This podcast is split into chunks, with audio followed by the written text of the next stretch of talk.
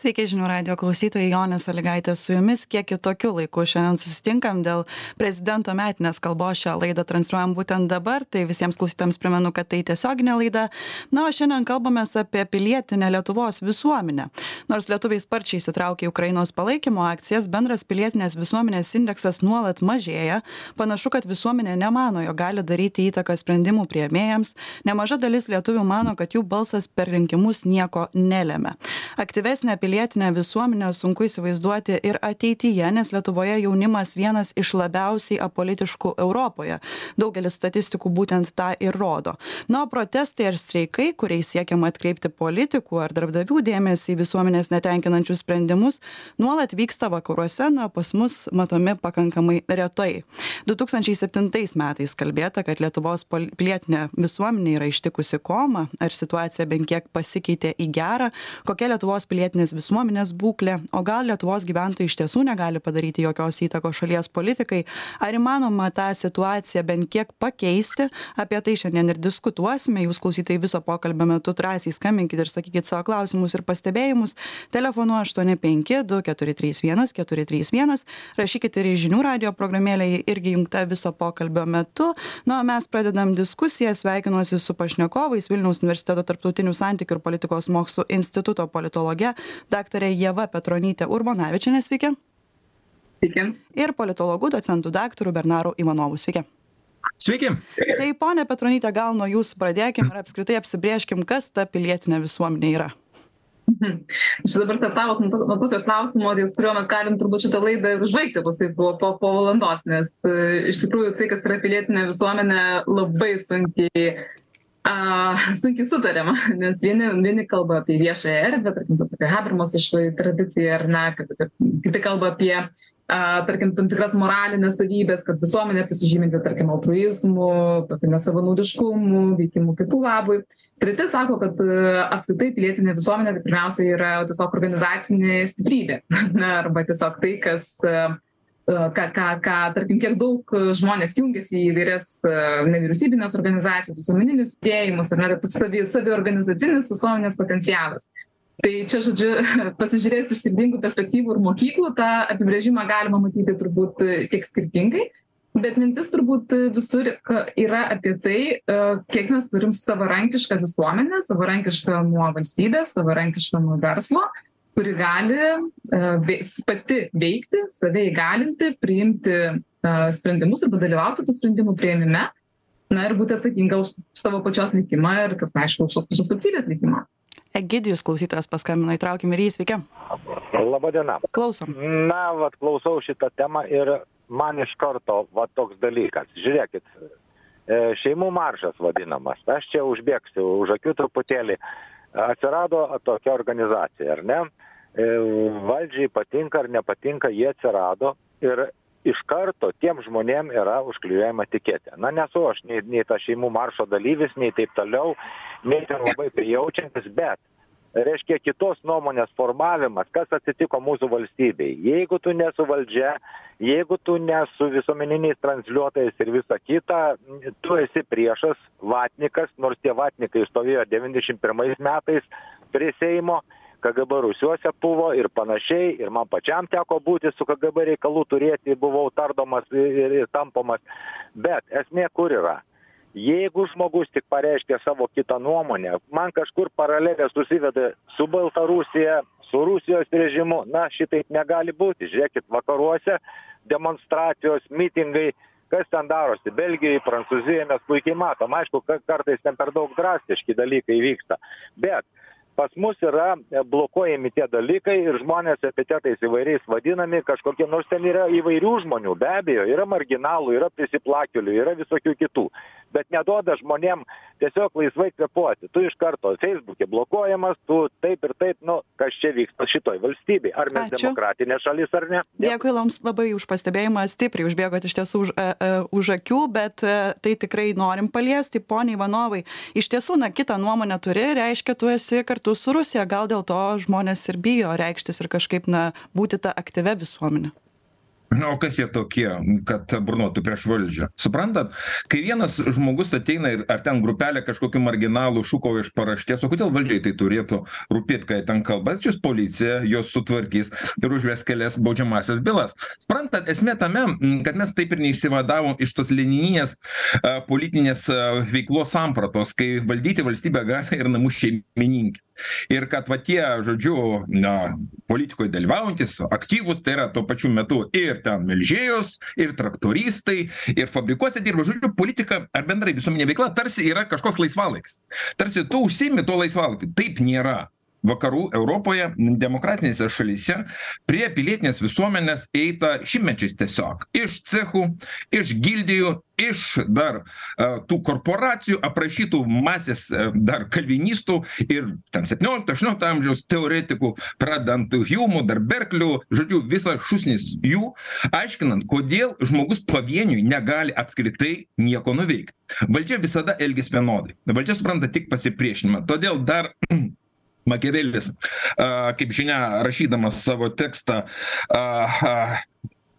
cezarė bordžio aiškino jam apie tai kaip veikia valdžių balansas dar nuo romėnų laikų kai yra patricijai ir yra plebėjai. Tai yra pirma ir antra lietuva kad žodžiu situacija yra tada gera valdžiai kai tų plebėjų nu faktiškai gauna kažkokį gabalą duonos ar ką nors ir jie laimingi. A, bet tai yra labai blogas kelias. Tai yra kelias į niekur ir todėl vis tik vakarų europa po šešiolikto amžiaus ėjo tos konsolidacijos keliu. Ir pilietinės visuomenės formavimo per institucijas per tinklo formavimo žodžiu a, tą vat būtent prieigą esminis dalykas čia yra tas kad vis dėlto vakarų europoj va čia manęs dažnai irgi klausia sako nu kaip aš dabar turiu būt pilietiškai aktyvus? Man reikia dirbti dvylika valandų pas mane šeima. Taip teisingai. Ir vakarų europoj aš jum pasakysiu niekas ten nedirba ir dar paskui papildomai reikia tas kad tos asociacijos bendruomenės kurios kuriasi iš tikrųjų labai ilgai o mes patyrėm deja sovietinę traumą todėl mes to neturim ir greičiausiai neturėsim. Jie sugebėjo suformuoti pakankamai aktyvių ir profesionalių visuomenininkų labai tokias aš sakyčiau dideles pakankamai efektyvias grupes kurios įtraukdamos visą kitą masę bendruomenių ten sakykime įvairių komunų bendruomenių korporacijų bendruomenių regionų e, veikia profesionaliai gaudami už tai atlyginimą e, dalyvaudami įvairių įvairiose veiklose tarpinstitucinėj sąveikoj dirbdami su politikais spausdami juos jie gali mobilizuot tuos žmones esant poreikiui. Juos informuoja bet dalyvauja tuose procesuose dalis ne visi.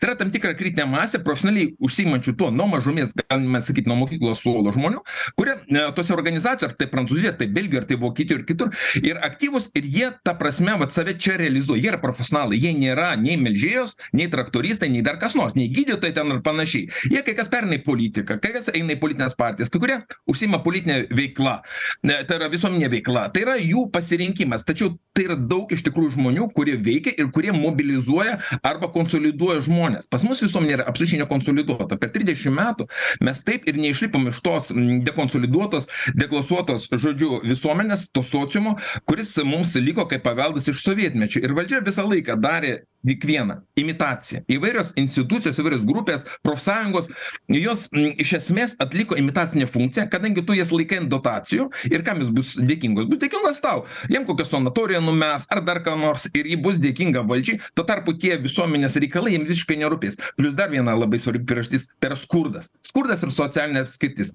Pagal maslau piramidę mes matom kad vis dėlto žmogus turi patenkinti iš pradžių bazinius poreikius. Jeigu jis mirksta skurde jis niekada nepakils iki tų aukštesnių savirealizacijos empatijos lygmenų. Tokiu būdu jis ir liks tame išlikimo ar na lygmeny ant to laiptelio žemiausio kai reikia tiesiog kiekvieną dieną kovot už būvį. Tokia visuomenė iš tikrųjų valdžiai labai yra palanki ir ji gali iš esmės tokiu atveju daryti ką nori. Tokiu būdu ir patys rinkimai nustoja jokios prasmės. Nu kokia prasmė iš rinkimų kurie nėra kaip kvietimas dirbti bet tiesiog laimėjimas loterijoj. Valdžios atstovai kurie laimi rinkimus jie kaip suprantat laimi aukso puodą. Jie eina ten monetizuoti savo politinę galią. Šiandien man pasisekė nepasisekė a nu šiaip vakarų europoj nėra taip. Todėl ten požiūris į rinkimus yra kitoks. Aktyvumas rinkimuose nėra svarbu kadangi yra darbas tarp kadencijų yra pilietinė valdžios kontrolė. Ir jeigu pilietinės valdžios kontrolės nėr tai yra imitacija ir iš tikrųjų tai ką ten kulakauskas kiti vadino minimali demokratija. Deja mes iš to liūno aš manau neišlipsim. Todėl transformacijos eis kitu keliu manau imigracijos kitų tokių socialinių procesų. Ir žinoma mūsų šalis tikrai labai smarkiai keisis. Bet jūs sakot na kad šimtmečius formuoja formavosi ta tradicija turėt tą pilietinę visuomenę tai gal tiesiog tas demokratijos kelias dar šiek tiek per trumpas? Suprantat procesai greitėja.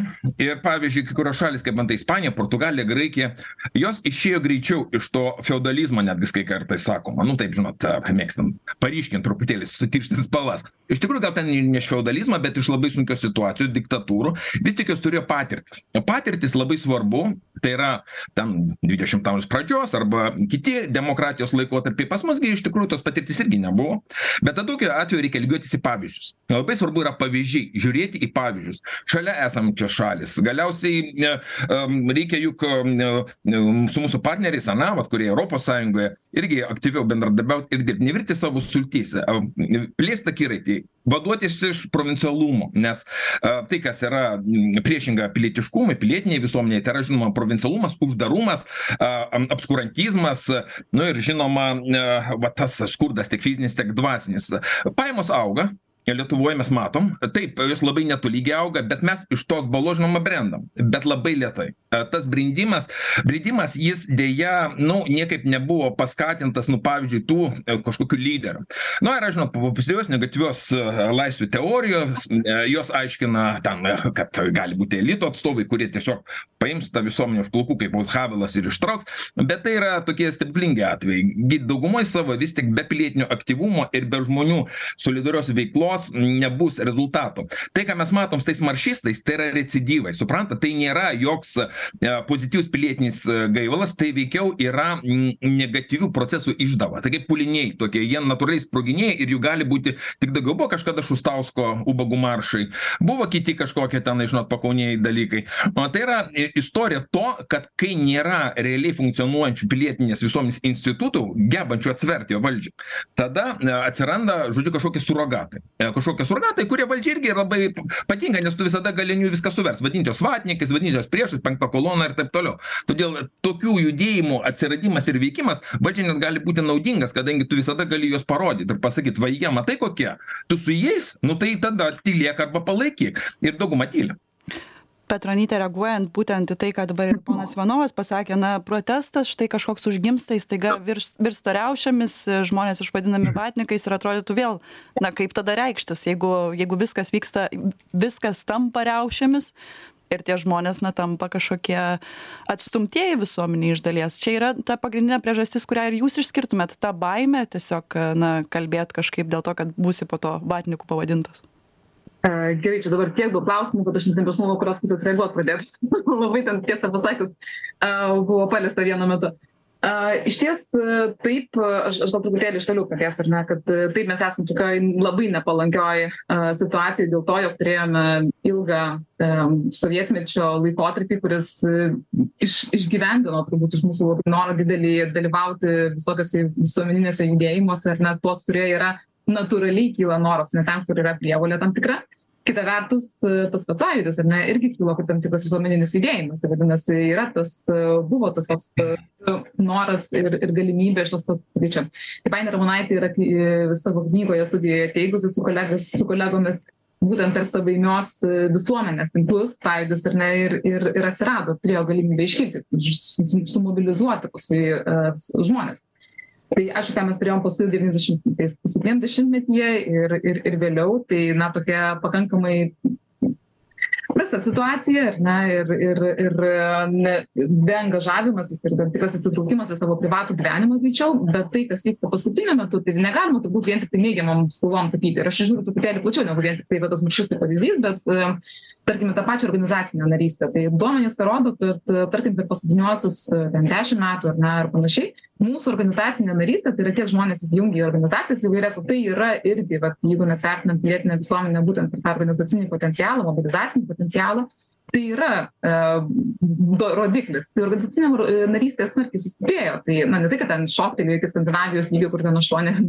ten 90 dalyvauja, a bet mes pakilome irgi man berods apie dešimt keliolika procentų ta prasme padidėjo tai tas įsitraukimas. Tai vėlgi galim kalbėt apie tai kad mažais žingsneliais bet į priekį judam. Tai tas žodžiu vien tiktai tokiom turbūt negatyviom negatyviom žiūrėti tokiom žodžiu akim nelabai galim iš kitos pusės tas mūsų judėjimas yra toks labai banguotas. Tai yra kad yra tam tikri tokie judėjimas pakilimai tokie ir nuosmukiai na žodžiu natūraliai turbūt. Tai va tuose pakilimuose ir nuosmukiuose yra svarbus turbūt vėlgi santykis pilietinės visuomenės su ta pačia valdžia. Ir čia dabar aš truputėlį galbūt artėsiu prie to prie to pavyzdžio aptarinėjimo. Nes iš esmės mūsų paskutinės gerą dešimtmetį daugiau dvidešim metų ar ne mes valdžios institucijos ir oficialiai deklaruoja tarkim lietuva yra prisijungusi prie tvoros vyriausybės partnerystės ar ne yra tas atviros valdžios siekis. Tai yra noras atsiverti ir įtraukti visuomenę į sprendi politinių sprendimų priėmimą. Ir tai yra natūralu. Tai vat yra tas pilietiškos visuomenės žodžiu modelis ar ne kuriame mes visi ne tik tai per rinkimus turime teisę pasakyti savo balsą politiniuose procesuose bet ir šiek tiek dažniau. Na ir būtent dažniausiai tai va tas kaip ir skandinavijoj tai gali būt tas korporatyvistinis modelis kur tarkim kažkokios organizacijos dažniau yra įsitraukiama a kitose šalyse galbūt labiau toks žodžiu atskirų tam tikrų žodžiu nevyriausybinių organizacijų kurios mobilizuoja žmones ir ne ir vat apie ką bernaras ir nekalbėjo. Tai išties išties mes matom ar ne kad tos tos organizacijos jos yra ir jų tikrai nėra paka bet jų nėra pakankamai ir kitas dalykas ar ne kad jie užsimezga. Tai vat ką paminėtas ar ne santykis tarp to kad tarkim nevyriausybinis sektorius valdžios sektorius kad yra migruojantys ar ne galbūt kartais žmonės iš tikrųjų tokių atsiranda ir mes matom per paskutinį dešimtmetį kad stiprėja pačios valdžios institucijos suvokimas kas tas nevyriausybinis sektorius yra ir šiek tiek pasitikėjimas jame. Bet iš kitos pusės tarkim viešai kas kartais yra deklaruojama čia sakau ne nepaisant tos oficialios pozicijos ar ne kur mes na priimam atviros valdžios siekius kartais kasdienė komunikacija iš valdžios yra tikrai stipriai nuvertinanti žmones pilietines jų apraiškas ir būtent tai deangažuoja tai čia turbūt iš tokių mūsų tokių vat kal kalnelių nuolių na apie apie ką kalbame. Ir tada automatiškai tai ką mes matom ar ne vat su tuo pačiu šeimų maršu ar ne nuskambėjusiu pavyzdžiu yra tai kad jeigu žmonės susiburia veikia nesvarbu ar ne kad mes galim nepritarti jų idėjoms mes galim ne nepalaikyti. Bet kai mes girdime na apie tai kad valdžios institucijos visiškai juos marginalizuoja ar ne tyčiojasi a kai tarkim yra visuomenės veikėjai kurie leidžia sau pasakyti labai skambiai ir ir ir iš išmesti iš tam tikro diskurso net tuos kurie nebūtinai palaiko bet ir tuos kurie drįsta am pasakyti kad galbūt aš nepalaikau tų nepalaikytojų ar ne? Tai išties labai suskaldo visuomenę. Ir aš čia sakyčiau kad didesnė problema turbūt yra ne pats am ne pats am to tokio radikalaus atsiradi nu tas radikalumas irgi dar toks ar ne? Bet net nepasitenkinimo tam tikro judėjimo atsiradimas bet mūsų reakcija į jį. Nes problema yra tai kad mes taip nu tai yra pripažinkit kad pilietinė visuomenė turi įvairių veidų.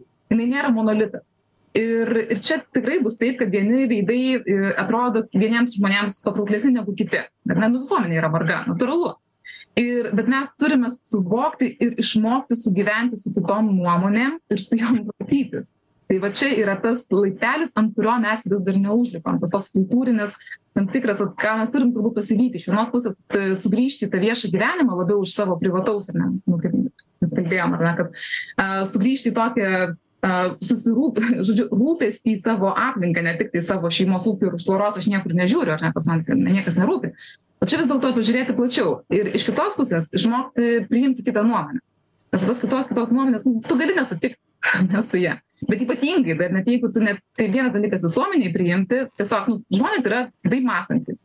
Okei aš nesutinku aš nepalaikau bet gal mes galim kalbėtis ir jeigu nebus tokio užsidar na ta prasme etikečių užklijavimo ar ne jūs ten kvaili ir ir viso gero tai ir tas tas pats etikečių klijavimas tai ir dar labiau radikalizuoja. Ir tada tikrai po tokio etikečių apsiklijavimo iš abiejų pusių nu tikrai nebelieka apie ką kalbėtis.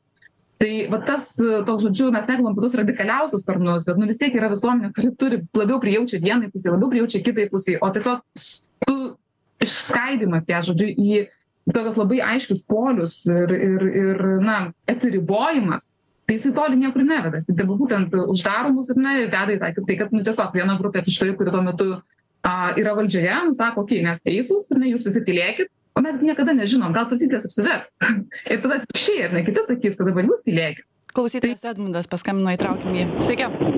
Sveiki. klausom. Žiūrėkit, lietuviai yra labai protingi ir racionalūs žmonės. Kai reikės, tai tikrai susivienys. Va, kai, buvo ne, kai kovojam dėl laisvės, jeigu būtų karas, iškart susivienytų. O dabar lietuviai protingi. Jiegi mato, kad jeigu nebus didelių anšlagų e, žmonių, tai nieko nepakeisi. Tai kam iš vis prasidėti? Lietuviai 95 procentai turi nuosavus būstus. Gyvenam Lietuvoj, kur nėra stikinių nelaimių. Na, sakau, lietuviai labai yra protingi racionalūs. Kai reikės, susvienys. ačiū jums labai už jūsų mintį. Norėjot replikuot ponia petronyte E, Aš labai trumpai tik tai tiesiog, kad iš tiesų tyrimo duomenys tai rodo, ar ne, kad mūsų, tarkim, e, paskutinį, jūs paminėjote pilietinės galios indekso e, irgi, jis, nerodo, kad visą laiką nuolatos stiprėjas, tik rodo, kad iki 20 metų mes turėjom tokį pakilimą nuolatinį pilietinės galios, tiesiog paskui jisai smuko su pandemija ir, ir, ir, žodžiu, tas toks e, atsirado būtent, ar ne, tokių indikacijų, ir tada tas tikėjimas savo gale pradėjo, e, pradėjo taip važiuoti žemyn. Bet ką mes matom, ar ne, kad tiek pandemija, tarkim, pilietinio aktyvumo prasme, aktyvumo prasme, tiek pandemija, tiek karas iš tikrųjų labai sutelkė. Karas Ukrainoje, kaip turiu galvoj. Ir iš tikrųjų mes turėjom tokius labai nu, beprecedenčius e, išaugimus būtent e, pilietinio aktyvumo veiklose ir tokiuose būtent susijusiuose su atitinkamais veiksniais. Tai, tarkim, per pandemiją mes matėm bendruomeninę veiklą labai šoktelėjo, duomenys tą rodė. Bendruomeninė veikla, įvairūs, ten, tarkim, e, aukojimas, aišku, kas be ko, ten, tarkim, tokios veiks- veiksmai, veiksmai tokie kaip e, pranešti, pavyzdžiui, apie a, bandyti spręsti, reiškia, s- probleminės situacijas, tarkim, pranešti apie įstatymų nesulaikymą, kaip čia turbūt kaukių nedėvėjimas, ten būriavimas ir panašiai, ar ne, kad, nu, vat, tą tokį viešą interesą irgi aplikuoja. Tai tie dalykai pandemijos, paskui pandemija nuslūgo, ne 22 metais, nes iš tų veiklų vėl truputėlį sumažėjo, taip normalizavosi, bet 22 mes matėm tokį išaugusį irgi a, demonstracijos, visuomeniniai judėjimai, visur čia aktyvumas augo, plus ypatingai, tarkim, toks išaugęs buvo a, tų pačio m, to politinio moralinio vartojimo, kada mes pirkės perkam arba neperkam, kaip tik boikotuojam dėl politinių moralinių priežasčių. Tai va, iš tikrųjų, tas mūsų reakcijos tokios, jos iš tikrųjų atsiranda. Tai tas krizės, jos mūsų sutelkia labiau. A, nu, klausimas, aišku, turbūt niekas nenori išbandyti to praktiškai, ar ne, kad galvos, kad turėti visišką. pone ivanovai tai galim susitelkt kai reikia palaikyt baltarusiją laisvą arba ukrainą bet e, kažkaip papeikt savo valdžios nu bijom šiek tiek ar kaip čia yra Na čia visa eilė yra tokių niuansų, kuriuos reiktų atkreipti dėmesį. Nu, pradėkime nuo tų kalniukų, ar ne, va, to susitelkimo sąjūdžių. E, Tranzitologai, analizuodami perimą į demokratiją, jie išskyrė tris fazes. Taip, žinau, jie ganėtinai ganėtinai s- diskredituoti, bet vis dėlto daug tiesos tame, ką jie sakė, yra. Pirma fazė tai yra ta pati socialinė e, visuomenė mobilizacija. Vat būtent sąjūdis, tai yra mobilizacija tų bazinių vertybių, egzistencinių, aš sakyčiau, am, a, a, atžvilgių. Laisvė, lygybė, a, orumas ir taip toliau. Tai yra, kas vienė absoliučiai visus ir tai žinoma įvyko kaip mes matėme, kaip tik sąjūdžio mitingų metu, įvairių akcijų metu.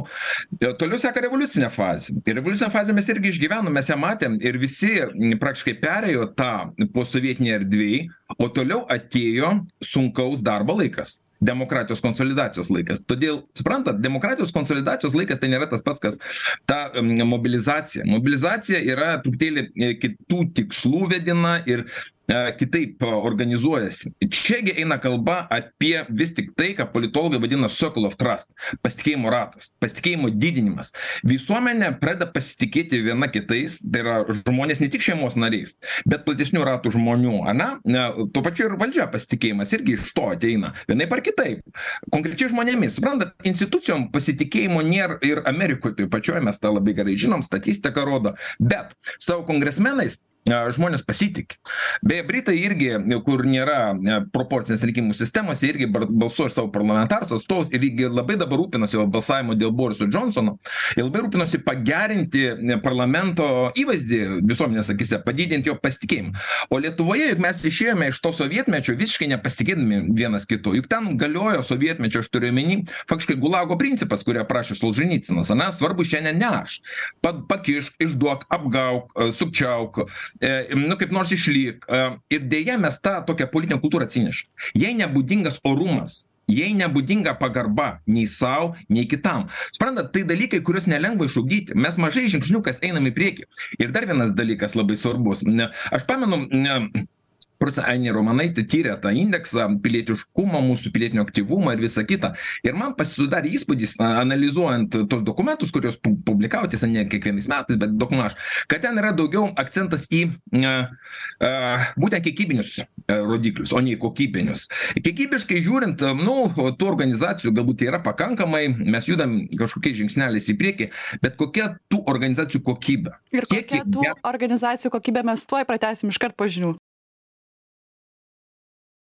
grįžtame į eterį ir tęsiam laidą nors lietuviai sparčiai įsitraukia į ukrainos palaikymo akcijas. Bendras pilietinės visuomenės indeksas mažėja. Panašu kad mūsų visuomenė nemano jog gali daryti įtaką sprendimų priėmėjams. Nemaža dalis mūsų mano kad balsas per rinkimus mūsų nieko nelems. Aktyvesnę pilietinę visuomenę sunku įsivaizduoti ir ateityje nes lietuvos jaunimas vienas iš labiausiai apolitiškų europoje. Dar du tūkstančiai septintais metais kalbėta kad lietuvos pilietinę visuomenę yra ištikusi koma. Ar situacija bent kiek pasikeitė į gera kokia lietuvos pilietinės visuomenės būklė apie tai šiandien diskutuojame su vilniaus universiteto tarptautinių santykių ir politikos mokslų instituto politologe daktare ieva petronyte urbonavičiene ir politologu docentu daktaru bernaru ivanovu. Jums klausytojai dar kartelį primenu kad viso pokalbio metu drąsiai skambinkit ir sakykit savo klausimus ir pastebėjimus telefonu aštuoni penki du keturi trys vienas keturi trys vienas ir rašykit taip pat tuos pastebėjimus ir į žinių radijo programėlę. Ji taip pat yra viso pokalbio metu įjungta. Na o mes tęsiam diskusiją. Prieš pertrauką nutraukiau bernaro ivanovo mintį apie nevyriausybinių organizacijų kokybę o ne kiekybę. Tai pratęskit taip iš tikrųjų čia galiu tiesiog dar pridurti kad labai svarbu yra juk kas. A mes apie valdžių atskyrimą daug girdėjom ar ne? Monteskjė skaitėm valdžių atskyrimas ir taip toliau balansas tarp įvairių grandžių. Tačiau mes puikiai suprantam kad parlamentinės respublikos sąlygomis yra vyriausybė yra parlamentas vykdomoji ir įstatymų įstatymų priimančioji valdžia kuri yra iš išvien faktiškai. Viena atsiskaito kitai todėl čia jokios atskirties nėr todėl reikalinga labai svarbu kad būtų dar viena dedamoji tai yra pilietinės visuomenės dedamoji. Tai yra pilietinės visuomenės institucijų visuma kuri atsvertų vis dėlto valdžios institucijas. Tas balansas yra būtinas kadangi paprastas eilinis pilietis valdžios akivaizdoj yra bejėgis. Jis reikalauja paramos pagalbos ir jokia prokuratūra jo neišgelbės. Jokia prokuratūra realiai to viešo intereso neapgins. Viešą interesą ginti pačios visuomenės reikalas kas ir yra tos mūsų respublikos esmė tai yra bendro reikalo bendro gėrio. Todėl vat kai mes kalbam tas visuomenines organizacijas ką mes matom? Mes matom jų didelį skaičių. Didžioji arba nu sakykim taip nemaža dalis jų arba yra mirusios arba yra tiesiog kuriamos tam kad gauti prieigą prie kažkokių finansų finansavimo šaltinių.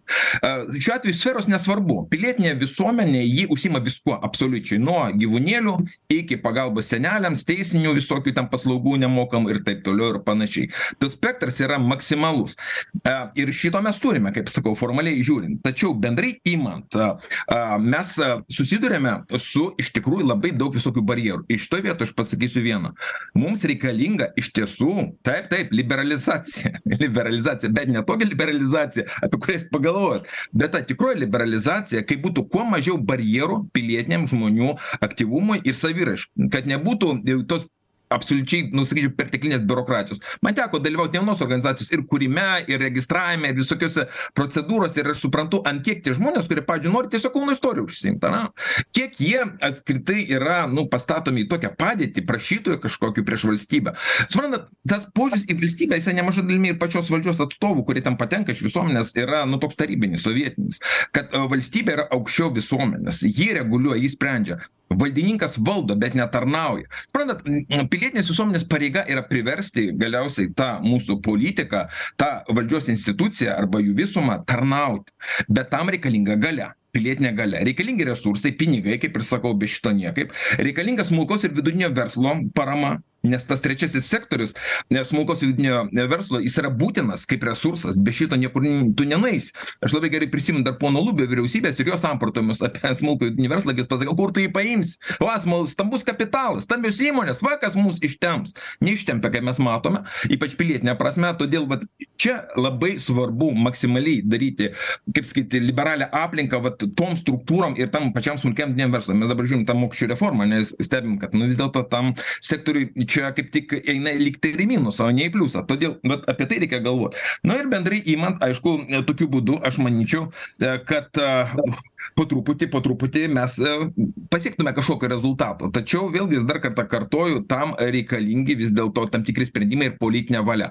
A šiuo požiūriu aš nesu labai optimistiškas nes politinei valiai rastis nu šiaip iš geros valios a iš gerų lūkesčių norų nu nepavyksta. Ir politikai jie juk vis tik suprasdami kad pilietinė visuomenė a silpna bet kuri valdžia jinai elgiasi savanaudiškai. Geros valdžios nebūna. Ir nu galbūt reiktų pačiai visuomenei pradėti nuo to kad reikia suprast kad jie niekada neišsirinks jokios geros valdžios ir reikia vis tik dėti pastangas bent pradžioj kad tą akmenį pastumti. Tam reikia daugiau pajėgumų taip susitelkimo ne tik ukrainos karo ir agresijos rusijos būtent situacijoj tai yra vėlgi ta pati istorija kaip su sąjūdžiu ane mes egzistencinių iššūkių akivaizdoj bet tų kitų pozityvių aš sakyčiau dalykų mūsų krašte atžvilgiu kad tiesiog tą šiek tiek akmenį stumtelti o toliau jis kaip rodo praktika patirtis galiausiai ir senis hėgelis ko mus moko savo dialektikoje kad paskui pradeda tas judėti šiek tiek lengviau. Todėl nu mums to impulso labai trūksta bet aš tikiu kad mes po truputį prieinam tos kritinės masės ribą kai kažkas kas įvyks ten ta tas fazinis perėjimas. Tai jokia revoliucija žinoma bet tam tikras požiūrio atmosferos pasikeitimas ir tam manau kaip va trigeris taip šia prasme va ta istorija su tuo baisiu karu manau prisidėjo gintaras paskambino. Sveiki. Laba diena klausom. Aš norėjau kitą pusę atkreipt dėmesį. Tai mes kalbame apie politiškai veiklius žmones bet lietuvoj aplamai veiklių žmonių vis mažiau lieka. Sakykim net direktorių neranda versle neranda vadovaujančių. O kaip čia per trisdešim metų tai veiklioji pusė išvažiavo iš lietuvos. Supratom jūsų mintį. Ponia petronyte gal jūs sureaguosite į į šią mintį klausytojo per maža valstybė galbūt. Gal čia ir susisieja su tuo kad ir tos pilietinės visuomenės nėra tiek daug Um, čia turbūt fenomenas, jeigu kalbam apie, apie imigraciją kaip tokią, tai turbūt netaip jau svarbus tada valstybės dydis, ar ne, jeigu, jeigu važiuojam, bet um, kiti dalykai šiek tiek. Aš gal tiesiog dar atkreipsiu dėmesį, kad kai mes kalbam apie pilietinę visuomenę, tai mes kalbam apie veiklius žmonės pirmiausia visose sferose, ne tik politikoje. Ir ta politi politinis veiklumas išeina kaip išvestinė iš veiklumo kitose sferose būtent. Ne? Nes jeigu mes aktyvūs kasdieniame kažkokiame organizaciniame gyvenime, nu galų galiu, nežinau, ten šunų kinologų ar ne, draugija ir aktyvūs jos nariai, nu gali bet tada į politinę, žodžiu, tam tikrą veiklą ar nesusiorganizuoti, čia nekalbu apie partijas, bet tiesiog, tarkim, kažkokio poveikio ar ne, arba tiesiog intereso išsakymo grupę, daug lengviau negu tie, kurie niekur nedalyvauja. Tai čia tas, tas, tas veiklumas turbūt yra svarbus bet koks, svarbus akcentas. O dėl to, kad e, e, išvažiuoja, taip mes turėjom didelę problemą su imigracija, bet iš kitos pusės mes nu matom tą ir grįžtamąją emigraciją ar ne?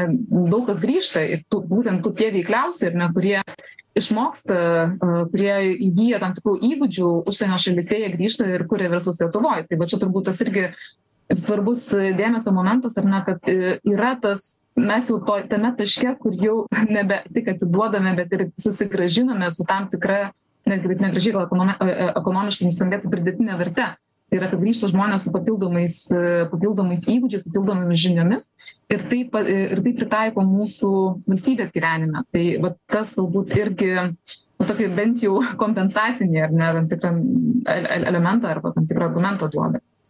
O jeigu dar šiek tiek sureaguojant į tai ką kalbėjome apie organizacijų kokybę tai taip ta kokybė kad negu kiekybė čia su kiekybe tai aišku apskritai kitas klausimas nes mes nežinom kaip tiksliai tų organizacijų yra vat registrų centras pradėjo tvarkytis žodžiu su duomenų baze bet iki galo vis tiek neaišku. Bet kalbant apie kokybę tarkim mes turim lyginamuosius tyrimus pilietinių visuomenių organizacijų tvarumo indeksas ar ne tarptautinė tarptautinis kuris rodo kad mes ten ilgą laiką ten nuo du tūkstančiai antrų metų bent jau tarkim žiūrint tai tarkim dvidešimt metų perspektyvoje mes gana ilgai stagnavome bet bet tarkim pasižiūrėjus nuo kokių aštuonioliktų metų yra tas toks nu palaipsnis bet nuolatinis gerėjimas. Ir ir vat tas organizacijų tvarumas jisai kyla. Aišku ten mes pažiūrėsim pavyzdžiui viešąją erdvę jeigu pažiūrėtumėm irgi tai tarkim jeigu ten kokiais nors du tūkstančiai nežinau ten dvyliktais metais ar ne prieš dešim metų penkiasdešim keturi procentai visuomenės negalėjo pasakyti pasitiki ar nepasitiki nevyriausybinėm organizacijom reiškia nežinojo kas tai per daiktas. A tai iš esmės dvidešim pirmais nebe pusė o trečdalis ar ne to negali padaryti. Tai mes turim tokį na vis dėlto tai mes negalim aišku pasakyti kad čia labai ženklus ir toks rimtas pokytis bet jis tikrai yra matomas nuo pusės iki trečdalio ar ne sumažėja tas toks nepažinumas jau yra jau yra na tokia pozityvesnė linkmė. Ir aš nesutinku dėl to kad krizės bet kartu tai ir ne krizės. Tiesiog mes nuolatinis organizacijų įdirbis irgi kelia kelia tą kokybę ne kelia tą kokybės kartelę. Ir iš tikrųjų situacija gerėja. Ir aišku kad finansinė fin finansinė finansavimas nevyriausybinis sektorius išlieka problema ir ir priklausomumas nuo tų pačių valstybės lėšų ir priklausomumas nuo tarptautinių sąjungos fondų nevyriausybinių organizacijų yra iš tikrųjų šitoj vietoj didelis bet gal galim kuo pasidžiaugti irgi šiek tiek labai rezervuotai. Tai kad aukojimo kultūra kuri lietuvoj nu tikrai nebuvo labai aukšta ir tarkim vat čia pandemijos metu ta tarptautinis tarptautinė organizacija yra paskaičiavusi aukojimo indeksas ar ne rodė kad per dešim ankstesnių metų prieš pandemiją suvestinę lietuva buvo tarp dešimties pasaulyje mažiausiai žodžiu na aukojančių šalių tai mes iš tos dešimtuko pasaulyje čia šimtas dvidešimt valstybių plius. Tai iš esmės tas nu tikrai rodo pakankamai tokią sudėtingą situaciją kita vertus per popandeminį laikotarpį mes tapom tarp pakliuvom tarp dešim greičiausiai besikeičiančių į gerąją pusę. Tai yra kad mūsų situacija kinta į gerąją pusę bet mes tikrai turim labai ilgą kelią kurį turim nueit dar žiūriu ką klausytojai rašo į žinių radijo programėlę. Ir čia vienas klausytojas kalba apie tai jei tik tampi aktyvesnis prisikabina partijos įstoti į jų gretas jei tik įstosi iš karto užčiaups nes partijos vadas teisus. O visose valstybinėse tarnybose pilna partinių kur susilauksi priešiškumo įvairių poveikio priemonių. Tai pone ivanovai čia tarsi atliepia tą jūsų sovietmečio tradiciją turbūt nu su partijom pas mus yra problema čia yra didelė atskira problema su suprantat koks dalykas? Iš tikrųjų kai nėra išplėtotos ir konsoliduotos pilietinės visuomenės partijos irgi jos yra tokios nu švelniai tariant nelabai įgalios. Jos irgi neatlieka kaip mes matom visos eilės labai svarbių funkcijų. Kaip anei politinės konkurencijos funkcijas ne mes gi matom kad su lyderiais kokios problemos. Galiausiai ar tos mūsų partijos iš tikrųjų yra masinės? Bent tiktai apie kelias galime turbūt kalbėti apie kaip apie vis tik ne vieno lyderio ne vienos problemos partijas o visos kitos tai yra tokie nu saidkikai reikalingi koalicijai šalia kad pabūtų kad kažką ir ir man iš tikrųjų tas partinis klausimas nu jis sakau atskiras ir didelis jis tikrai didelio džiaugsmo irgi net neteikia ir tai irgi rezultatas to apie ką mes šnekam. Dabar tiktai dar vieną tokį norėjau akcentą padaryti a noriu vieną akcentuką padaryti apie būtent būtent a va tą žmonių įtraukimą. A iš tikrųjų pilietinė visuomenė ne tik yra aktyvių žmonių o a dalykas bet ir įtrauktų žmonių dalykas na yra aktyvūs žmonės kurie veikia o tie kurie aktyviai neveikia jie bet turi būti įtraukti. Tai yra jie turi būti tame tinkle užsiimti savo veikla taip nu jie gali užsiimti savo verslu savo profesiniais kažkokiais ar ne ten ieškojimais. Ir jie neužsiima tuo visuomeniniu darbu profesionaliai.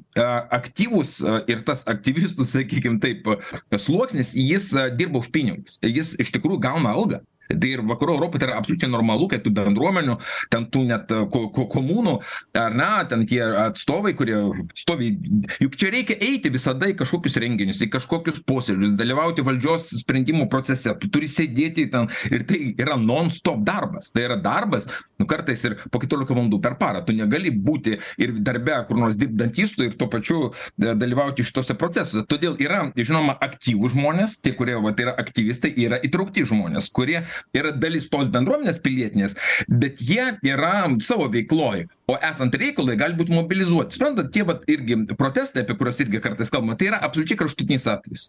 Kraštutinis atvejis kai pavyzdžiui valdžia kurią visuomenė atsveria pamiršta apie tai kad už tų organizacijų stovi iš tikrųjų reali jėga ta socialinė visuomenės jėga. Ir jeigu reikia romoj kaip mes matėme iškilus kažkokiam klausimui gali išeiti pusantro milijono ane tam kad tiesiog priminti. Taip pat labai svarbus dalykas yra solidarumas a ku nuo kurio mus bando atpratinti kiekvieną kartą a kai kyla kažkoks solidaraus protesto bandymas. Europoj prancūzijoj solidarus protestas pavyzdžiui už mokytojus ten kad sustojo transportas na va čia tokie kraštutiniai atvejai. Tai yra ganėtinai normalus ir paplitęs dalykas. Pas mus iškart ateina valdžios atstovai sako tai nedemokratiška tai yra baisu kelių blokados irgi bet ir žodžiu tas solidus protestas. Kiekvienas už save turi būt. šiek tiek įsiterpsiu kai buvo vilniaus viešojo transporto vairuotojų streikas tai buvo gražu žiūrėt nes na visi kalbinti žmonės atrodytų voks populi kuriuos atliko žiniasklaida visi pritarė tam ir sakė nieko tokio mes pakentėsim tegu jie išsireikalauja taip ten buvo to solidarumo ir juos palaikė ne tik transportininkai bet ir platesnis spektras ir organizacijų ir žmonių. Čia irgi yra pozityvus momentas bet atkreipkit dėmesį kaip tai buvo atspindima viešoj erdvėj informacinėj erdvėj ana tai pradžioj iš tikrųjų buvo ganėtinai taip labai ilgą laiką nu kaip sakyt problema tiesiog labai trumpai apie ją informuojama. O tik po to suprantat reikia įsivažiuot. Reikia įsivažiuot ir reikia parodyt kad iš tikrųjų tai yra aktualu ir tai svarbu. Ir kad tai yra ne šiaip kažkokių ten kelių ar na žmonių klausimas kad tai yra iš tiesų pačios visuomenės ir visų tų kurie vis tik rūpinasi e, e, bendrais reikalais klausimas nes juk nepamirškim dar vienas labai svarbus dalykas e, kuris irgi indikuoja mūsų problemas tai yra korupcija arba sisteminė korupcija. Tai yra tiesiog rodiklis kuris parodo tai kokioj mes esam stadijoj ne? Vat e, jeigu šalyje sisteminė korupcija ir ji pažeidusi įvairias ane ten institucijas kaip mes matom ten yra kažkokios daiktai savyje kažkokie ten uždari prie ežerų a aglomeratai ten aglomeracijos kažkokios ane už tvorų. A val valdžios atstovai važinėja mėlynais kibirais su e, keturiom mašinom apsaugos ir taip toliau kas nebūdinga vakarų europai iš tikrųjų nes ten premjeras pavyzdžiui ryte važinėja su dviračiu taip su dviem apsauginiais bet ant dviračio o ne su džipais.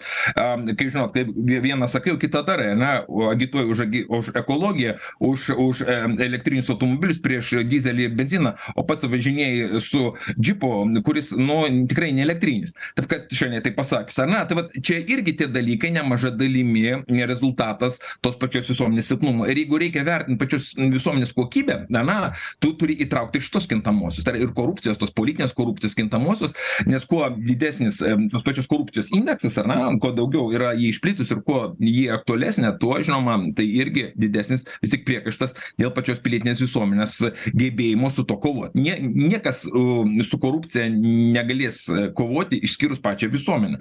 Ne tik tolerancija tai sakykim taip buitinė korupcija. Čia dalykai nu kaip sakyt aš sakyčiau ne tokie svarbūs bet politinė korupcija ir to valdžios ešalonų už uždarų durų tos politikos profesionaliz profesionalizacijos problemos jos reikalauja jau institucinio pačios visuomenės tos pilietinių institutų ne tik pono tapino dėmesio nes mes matom ane ponas tapinas ištraukė vieną problemą. Tai jis parodė tiesiog į dramblio uodegą. Sakė o bet tai čia tik dalis problemos. Yra įstatymai lietuvos kuriuos reikia esmiškai peržiūrėt kaip sakau ta liberalizacija tame tarpe kurią aš užsiminiau ji reiškia ir įstatymų peržiūrėjimą atsisakant tų vadinamųjų korupcinių įstatymų sudedamųjų. Kaip pavyzdžiui valdininkai pastatyti į situaciją kai jie gali spręsti reikalą taip kaip patys nori. Bet tam reikalingas prievaizdas o prievaizdas vienintelis tai yra pati visuomenė. Jeigu jos nėra mes susidursim su tom problemom kuo toliau tuo daugiau. Todėl nu vat va šitaip reik tiesiog įvertint tą mastą ane tų iššūkių kurie mūsų laukia. Jie labai dideli ir reikalauja iš tikrųjų visų mūsų intelektualinių ir ir ne tik laiko ir kitų pastangų. Ačiū jums kad dalyvavot šiandien laidoje. Kalbėjomės su vilniaus universiteto tarptautinių santykių ir politikos mokslų instituto politologe daktare ieva petronyte urbonavičiene ir politologu da docentu daktaru bernaru ivanovu. Laidą vedžiau aš jonė salygaitė ir sakau klausytojams iki susitikimo po valandos kada jau kalbėsim apie šiandienos aktualijas